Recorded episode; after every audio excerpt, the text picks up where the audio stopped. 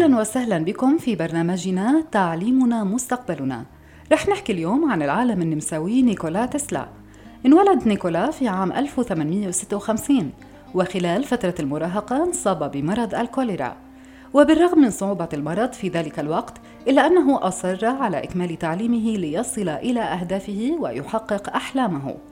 وبعد فترة قصيرة تحسنت صحة نيكولا وذهب إلى أفضل المدارس الأوروبية.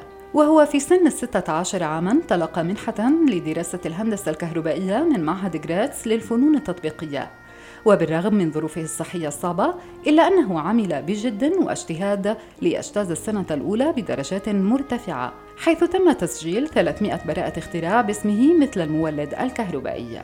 بالرغم من ظروفنا الصعبة يجب أن نحافظ على بذرة الأمل بداخلنا لإكمال تعليمنا. وإفادة المجتمع بهذا العلم ليكون الطريق نحو مستقبل مشرق هذه الومضة من ضمن الحملة الشبابية التطوعية المحبة والخير تجمعنا التي تهدف إلى غرس قيم المحبة والأمل والتفاؤل وفعل الخير بين الناس من خلال التعليم.